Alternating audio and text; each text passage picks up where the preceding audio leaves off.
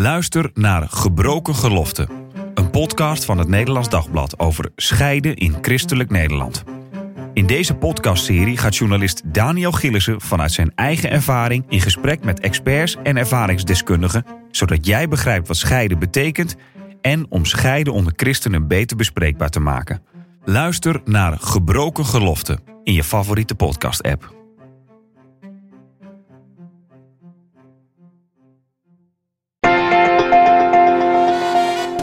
De Sekspodcast. Christenen over relaties, liefde en seks. Leuk dat je luistert. Mijn naam is Marien Korterink en in deze podcast praat ik wekelijks over relaties, liefde en seks. En deze week doe ik dat met relatietherapeut en psycholoog, seksuoloog Phoenix de La Vosse. Goed dat je er weer bent, Phoenix. Dankjewel. Ja, jij schrijft deze week over een man die bij jou komt omdat zijn vrouw heel erg verandert als het op seks aankomt. En dan is dat niet in positieve zin, in negatieve zin. Vertel, wat is er aan de hand? Uh, wat er gebeurt is dat deze man uh, in eerste instantie alleen komt. Uh, en hij vertelt dat de seks vanaf het begin van hun relatie lastig was. Maar in de loop van de tijd is het alleen maar nog lastiger geworden. En ja, inmiddels kunnen ze elkaar ook geen knuffel meer geven. Het is allemaal heel erg beladen en spanningsvol. En wat hij ook vertelt, wat hij zo lastig vindt, is dat zijn vrouw eigenlijk in het dagelijks leven een, een vrolijke, zelfstandige meid is. Maar eenmaal in de slaapkamer verandert ze in een, in een schuchter meisje. Uh, die heel afwachtend is en ook met een kinderstemmetje praat. En in het begin heeft zij daar een beetje, ja, het is hem opgevallen, maar heeft het er langs heen geleefd. Maar in toenemende mate vindt hij het irritant. En het maakte ook dat hij denkt, ja, maar wil je dit eigenlijk allemaal wel? Dus hij weet niet precies wat hij nou moet doen. En dus komt hij bij jou. Ik heb er direct al heel veel vragen over. Want, okay. want, want als je het beschrijft, dan dat zijn allemaal verschillende dingen die spelen natuurlijk. Ja. Um, waar komt dit vandaan bij haar? Ja, in, uh, je, je, zou bij haar kunnen denken van dat ze niet goed weet wat, wat ze moet doen. Wat wordt er ze nou weet ze geen houding te geven. Ze weet ze geen houding te geven. En ze wordt echt een klein meisje. En uh, levert zichzelf eigenlijk uit aan de partner. Van nou, neem jij het voortouw maar. En dat is wat er eigenlijk al, al die tijd in hun uh, relatie gebeurd is. Hij heeft het voortouw genomen. En uh, hoogstwaarschijnlijk was seks dus vagina-penis seks. en dat ging. Dus dat, dat is altijd geweest. Zij ging mee in wat hij wilde. En leende in die zin haar lichaam uit, zou je kunnen zeggen. Dus dan kan je je afvragen van hebben ze nou samen seks of ondergaat zij seks? Maar er, er, zullen misschien ook mensen zijn die dat herkennen, maar die niet per se zo'n stemmetje dan opzetten. Nee, maar in dit geval is zij dan ook uh, ja, uh, echt het kleine meisje wat niet weet wat ze, wat ze moet doen. Uh, en en onzeker is. En dan ook maar met dat kinderstemmetje gaat praten vanuit haar eigen onzekerheid. ja, ze raakt zichzelf een beetje kwijt. En wat daar volgens mij achter is, is achter ligt, is dat ze niet haar eigen seksualiteit heeft ontdekt van een volwassen vrouw. Het is nog steeds het, het, het kleine meisje wat zichzelf dan maar uh, uh, dociel uh, uitlevert. En wat bedoel je daarmee? Ze heeft haar eigen seksualiteit niet ontdekt? Nou, de seksualiteit van een volwassen vrouw. wie is zij nou als vrouw? Wie is zij nou als tegenspeelster? dat weet ze niet. Ze ondergaat het. Ze weet niet precies van hoe haar eigen opwinding werkt. Ze weet niet hoe haar eigen lichaam werkt hoogstwaarschijnlijk, want dat kom ik heel vaak tegen. Dat vrouwen niet goed weten van uh, wat vind ik nou prettig, hoe werkt mijn lichaam, hoe ziet mijn eigen geslacht er bijvoorbeeld uit. Daar nooit naar hebben gekeken zelfs. Dus uh, soms moet je beginnen met uh, neem eens een handspiegel en kijk eens hoe je geslacht eruit ziet. eigen het jezelf toe, het is een onderdeel van jouw lichaam. Ehm, het is een beetje van uh, ja, als je dat deel van je lichaam niet kent, maar uh, uitleent, uh, dan heb je er ook verder geen voeling mee. Dus je moet, je moet wel als, als partners, zowel mannen als vrouwen, je, je eigen lichaam goed kennen. Ja. want je lichaam is het vehikel waar je, waar je seks door hebt. Dus ken het wel goed en, en, en leg het uit aan elkaar. Ja, en, en, en, zie je dan ook dat als, dat als je dat niet gedaan hebt, dat je dan, dan dus soms later pas last van krijgt? Dat je in een relatie gaat merken, oh, ik, ik heb dat eigenlijk niet, ik ben daar niet mee bezig geweest. Ja, Ja, uh, want kijk, seks is natuurlijk uh, uh, elk gedrag en elke handeling die leidt tot die prettige seksuele gevoelens en, die, en de daarbij horende lichamelijke reacties. Maar je moet, je moet dus wel weten van wat zijn die reacties dan van mijn lichaam en wat zijn die gevoelens dan? Het begint wel bij jezelf. Je moet wel zelf de knop aan kunnen zetten. Je kan het niet zeggen van aan je partner, zet jij die knop maar aan, ik weet niet waar die zit. zo werkt het niet met seks. Dat heeft vooral te maken met uh, zelf je eigen seksualiteit kennen voordat je seksualiteit beleeft met iemand anders. Ja, precies. Het is je eigen lichaam, neem daar verantwoordelijkheid voor. Uh, weet hoe het werkt, wat prettig is, wat zijn je wensen, wat zijn je grenzen. Uh, je, je, ik leg het wel eens uit van je kan het vergelijken met een, met een, een oven. Het is je eigen oven. Je kan wel zeggen, nou stop die ovenschotel dan maar in. Maar je kan ook denken van, nou hoe ziet die oven er eigenlijk uit? En wat voor standen zitten erop? En en wat zijn de effecten daarvan? Er hangt een grill in. En uh, uh, wat gebeurt er nou als ik, als ik op die ovenschotel aluminiumfolie leg? Wat gebeurt er met het voedsel eronder? Dus ja, weet hoe je lichaam werkt, hoe je eigen opwinding werkt. dat is zo belangrijk. Dat is wat je uitlegt aan elkaar. Zowel mannen naar vrouwen als vrouwen naar mannen. In deze casus, is dit uh, zo gegroeid in de loop der jaren in hun relatie... of is het eigenlijk dan vanaf het begin al? In, in, zo'n situatie is het vanaf het begin al. Zij is vanaf het begin onzeker... Uh, maar er is nooit echt over gesproken, over die onzekerheid. Ze is stoer geweest en heeft gedacht van nou, dat hoort erbij.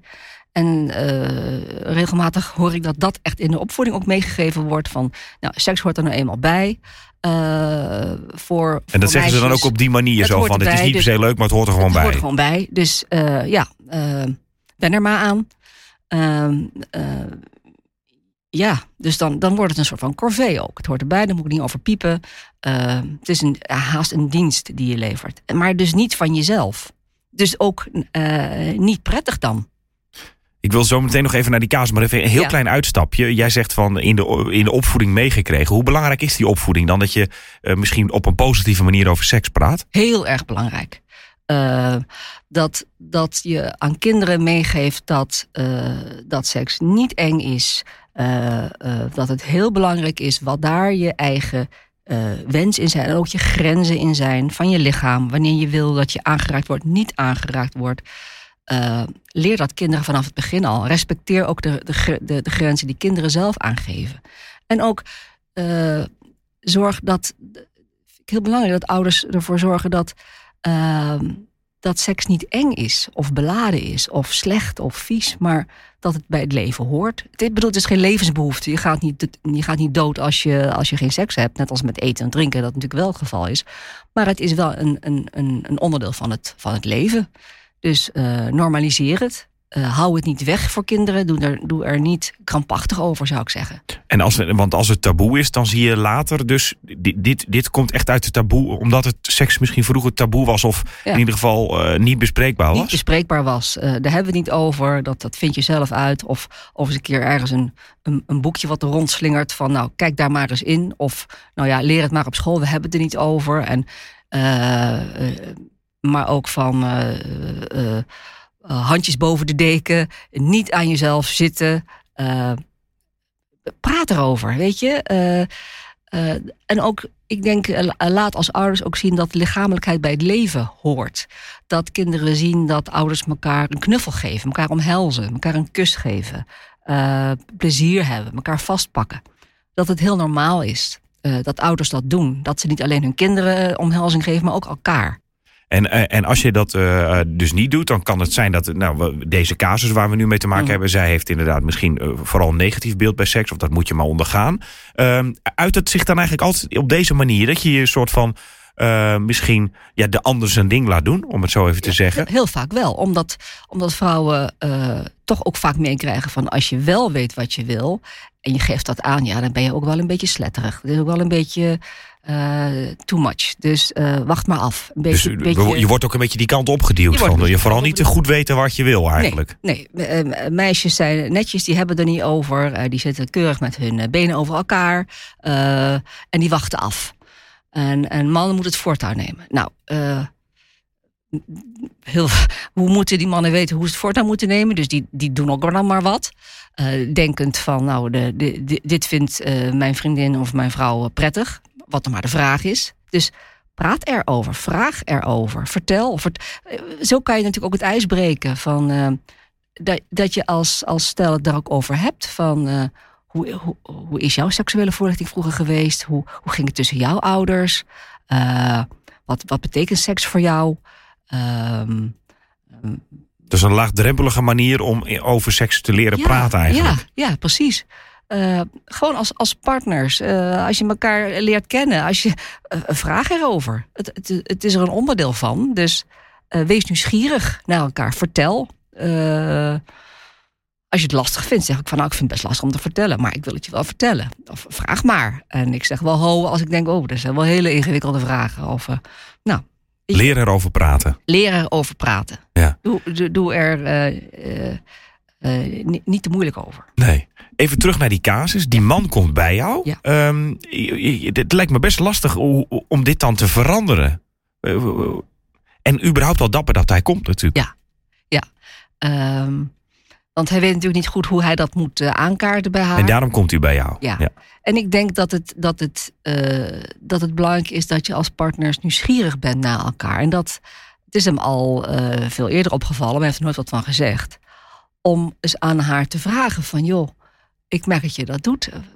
Wat is dat? Want misschien heeft ze het niet eens door. Dat kan best, hè? Of dat ze niet door heeft dat ze afwachtend is. Of dat ze denkt, ja, dat wil jij zo. Dat er allerlei uh, invullingen zitten. Allemaal aannames. Aannames van uh, hoe hij het wil.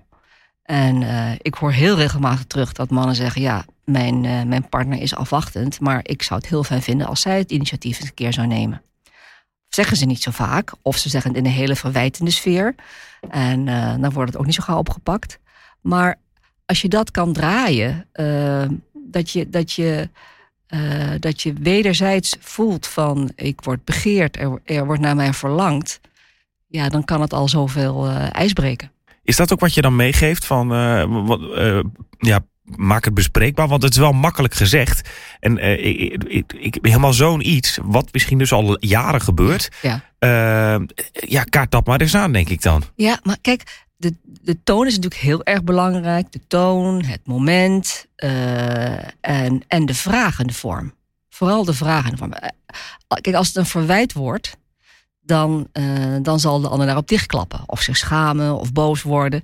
Dus de vraag, eh, als de vraag echt is van ik wil het snappen, dit valt me op en ik, wil, ik snap dit niet zo goed van jou.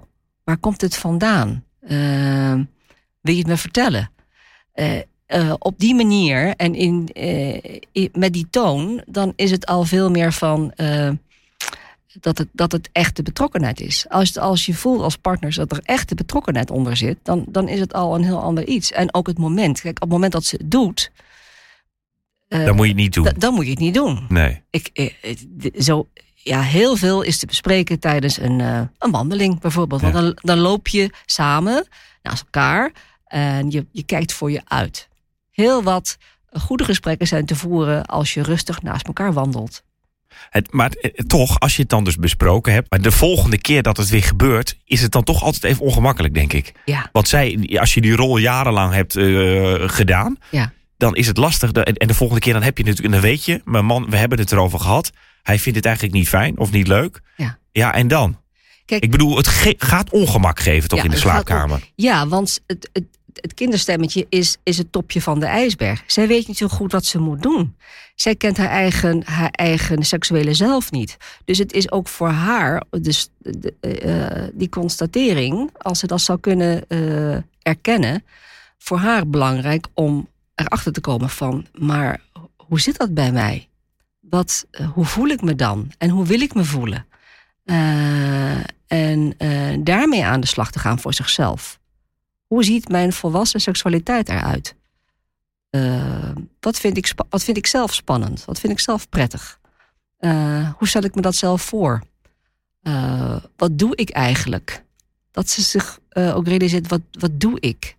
Uh, of wat doe ik niet? Of wat zou ik wel willen, maar uh, maar wat laat ik achterwege? Wat zou ik willen zeggen, maar wat zeg ik niet? Maar het is dus niet even één gesprek en dan wordt het opgelost. Nee, Uh, want nee. het is echt iets van dan, dan het hele seks. Hetzelfde dat je een groot relatieprobleem aankaart eigenlijk. Ja. Want het, het gaat, zij moet helemaal gaan denken: wat vind ik dan eigenlijk fijn? Dat was Ja. dat nooit gedaan heeft. Wat Ja. zou ik leuk vinden? Ja. Dan moet, eh, dat kost, gaat heel veel tijd overheen, denk ik. Daar gaat best wel wat tijd overheen, ja, zeker. zeker. En eh, ze, eh, ze kan daar zelf mee aan de slag, maar ze kan ook met eh, misschien met iemand die ze echt vertrouwt, of een hele goede vriendin, of een zus, of eh, erover praten. Van hoe zit dat bij jou? Heb jij dat ook? Of hoe denk jij daarover? Doe jij dat wel eens? Ja, soms heb je ook een, een, een, rolmodel nodig. van, dat, dat je denkt, oh, doe jij dat zo? Oh, eh, ja, dat vind ik wel goed. Of nee, dat vind ik helemaal niet goed. Dat, dat past niet bij mij. Nou, zo kan je erachter komen wat je eigen manier is, of je eigen stijl is, of je eigen voorkeur. Eh, Maar dan moet je dus ook wel weer op. opletten dat je niet de, de rol van een ander weer overneemt. Maar Nee. gewoon bedenkt van zou dit bij mij passen? Zou dit bij mij passen? Zie ik mezelf dat doen? Ehm, ehm, ja, ze zal, ze zal zichzelf daarin dus moeten ontdekken. Eh, en moeten, eh, moeten, eh, ja, en natuurlijk is die wens ook belangrijk van... ehm, is het haar wens ook om haar eigen seksuele zelf te ontdekken? Als ze zegt, ja, maar dat wil ik helemaal niet. Ik vind dit, ik vind dit goed zo. Dan, dan kan dat ook zo zijn. Hè? Want hij kan haar niet dwingen. Maar eh, hij kan wel vragen van, ho- hoezo dan? Kan je me uitleggen waarom dan? Ja, want het heeft misschien ook met de patroon in een relatie te maken. Dat zij zegt, maar ik vind deze rol op zich helemaal, helemaal prima. Ja. Kan natuurlijk. Of dat je zegt, ik wil daaraan werken. Ja. Maar dan is het misschien ook een breder probleem in de relatie. Ja. En dan moet je dat ook samen doen. Want als zij zegt, ik wil eraan werken, wat heeft ze dan van hem nodig om daaraan te kunnen werken? Wel, welke, welke houding van hem of welke verwachting van hem heeft ze dan nodig? Of heeft ze juist helemaal geen verwachting nodig? Dus Ja, want ik vind wat vooral opmerkelijk is, dat, dat schrijf jij in de column ook, is dat zij daarbuiten eigenlijk dus een hele energieke eh, vrouw die initiatief neemt, Ja. eh, vastberaden en, en dan eh, Heel vooral dag en nacht verschil Ja. lijkt het bijna. Ja. Terwijl als iemand daarbuiten ook timide, rustig is, eh, ehm, eh, afwachtend, Mhm. dan kan je nog zeggen dat hoort bij iemands karakter. Er is helemaal niks mis mee. Nee. Alleen hier lijkt het echt een wereld van verschil. Ja, ja. En het komt toch veel vaker voor dan je, dan je zou verwachten. Dat, dat vrouwen in de slaapkamer ineens ja, onthand zijn, zou je kunnen zeggen. Ik vroeg me nog af, ehm, hoe onderscheid je dit nou van dat je een rol speelt, wat misschien in de slaapkamer voor sommige stellen soms leuk kan zijn, Mhm. en dat je een rol speelt, zoals in dit ge- eh, geval, maar dat het eigenlijk niet, niet positief is. Kijk, Ik bedoel, een rol spelen ja. eh, kan op zich soms in een. eh, als je bewust een rol speelt, kan dat natuurlijk misschien bij je, je, je seksuele leven horen Ja. als, als stel. Ja. Maar dat, dat is wel een andere rol dan de rol die we nu, eh, waar we het nu over hebben. Precies, want dat is een, eh, als het een, in het spel zit, dan is het een keuze. Voor deze vrouw is het geen keuze. Ze kan niet anders. Ze, ze, ze, ze wordt onzeker. Op het moment dat de deur dicht gaat en ze is daar en ze, ze merkt zijn verwachting.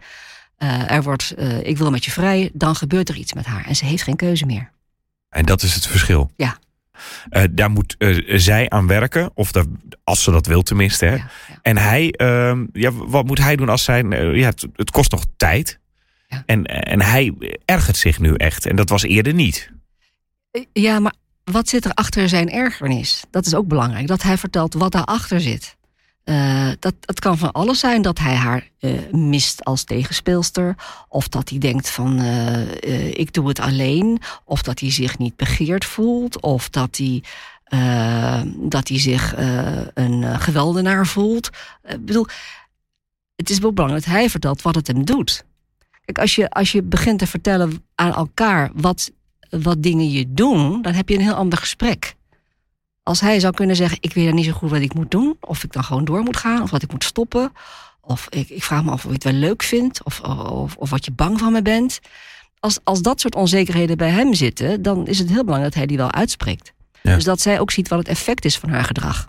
Nou, is zij natuurlijk, hij natuurlijk is een eentje gekomen. Ja. Ik, ik, als ik dit zo hoor, dan denk ik, ze moeten dan ook met z'n tweeën vooral Ja. een keer daarover praten. Ja, zeker.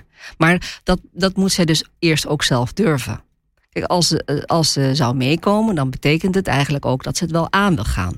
En nu weet hij het nog niet of ze dat aan wil gaan. Hij hoopt van wel, maar hij is nu zelf onthand en eh, eh, ja, hij weet niet wat hij hiermee aan moet. Want de positieve reacties zijn dat ze misschien daaraan mee wil werken en wil nadenken van hè, wa- waarom doe ik dat? Ja.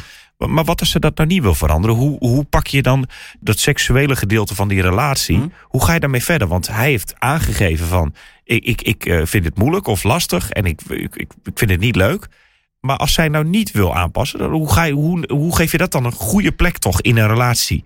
Terwijl je weet dat hij dan dus ontevreden is, een soort van... Ja, kijk, als hij kan vertellen aan haar wat het hem doet dat zij zo eh, eh, met dat kinderstemmetje praat en zo schuchter is en onzeker en dat hij haar eigenlijk over iets heen moet trekken. Als hij kan vertellen wat er van binnen dan bij hem gebeurt, dan, en zij kan dat verstaan, ehm, dan kan er al iets gaan schuiven. Dat zij kan aangeven van eh, wat maakt dat ze zich zo opstelt? Wat maakt dat ze zo schuchter is? Wat maakt dat ze in dat kinderstemmetje blijkbaar vervalt? Eh, dat ze elkaar meer snappen. Dus dan heb je het niet zozeer over wat er achter de muur zit, maar waar de muur uit bestaat. Ehm, en kunnen ze daarin naar elkaar luisteren en elkaar ook echt begrijpen en verstaan.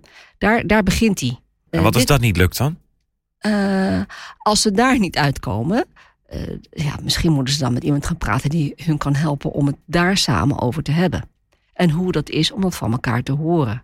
En of ze daarin elkaar misschien eh, eh, toch kunnen vinden of dichterbij kunnen komen, wetend dat zij het heel erg lastig vindt en spannend vindt en niet durft of zichzelf heel slecht voelt.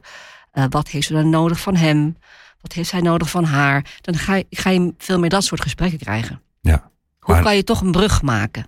Ja. Want het is haar onzekerheid, niet weten eh, hoe haar seksuele zelf eruit ziet, daar ook eh, eh, angstig voor zijn misschien. Nou, misschien zit daar een heel verhaal achter die hij niet kent. Dus dan is het ook goed om te kijken van, durft ze dat aan hem te vertellen? Wil ze dat aan hem vertellen? Kan hij het ook horen? Ehm, misschien is ze wel bang dat hij haar erop afrekent als ze het gaat vertellen. Dat hij haar raar gaat vinden. Want dat zijn vaak eh, gedachten die erachter zitten. Ik zeg het niet, want dan vind je me raar. Of dan raak je teleurgesteld in mij. Of dan ben je ontgoocheld.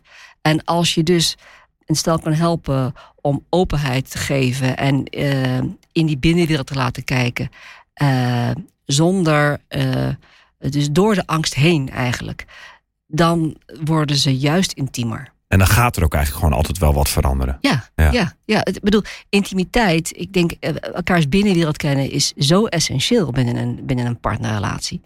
Eh, ja, daar begint het mee. Van, Ja. Durf je binnen te laten kijken, durf je intiem te zijn. En intimiteit is veel breder dan seksuele intimiteit.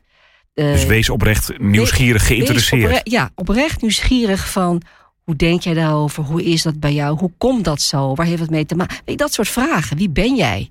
En dus niet denken van, nou, ik ken je wel. Of ik ken je beter dan jij jezelf kent. Nee, dat is, dat is, dat is arrogant. Dat is niet zo. Eh, je, je verandert als mens ook. Dus praat elkaar bij. Door het leven verander je, heb je nieuwe ervaringen. Vertel wat nieuwe ervaringen met je doen. Blijf wel nieuwsgierig. Want die nieuwsgierigheid, die voel je ook. Je voelt ook van, mijn partner houdt me wel in beeld. En dat maakt al dat die, dat die, dat die ehm, verbondenheid eh, steeds, eh, steeds opnieuw weer bevestigd wordt. Je doet ertoe. Mooiere woorden om af te sluiten zijn, er- zijn er natuurlijk eigenlijk niet. Oké. Dankjewel, Phoenix. Ja. De column van eh, Phoenix die zet ik in de beschrijving van deze podcastaflevering. Heb je ook een vraag over relaties, liefde of seks waar je graag een antwoord op wil? Mail je vraag dan naar podcast.nd.nl. Dan komt hij bij mij binnen en kan ik hem naar eh, Phoenix sturen. En als je wil dat alleen Phoenix de vraag of eh, jouw verhaal onder ogen komt, dan kan je sturen naar phoenix.nd.nl. Tot volgende week.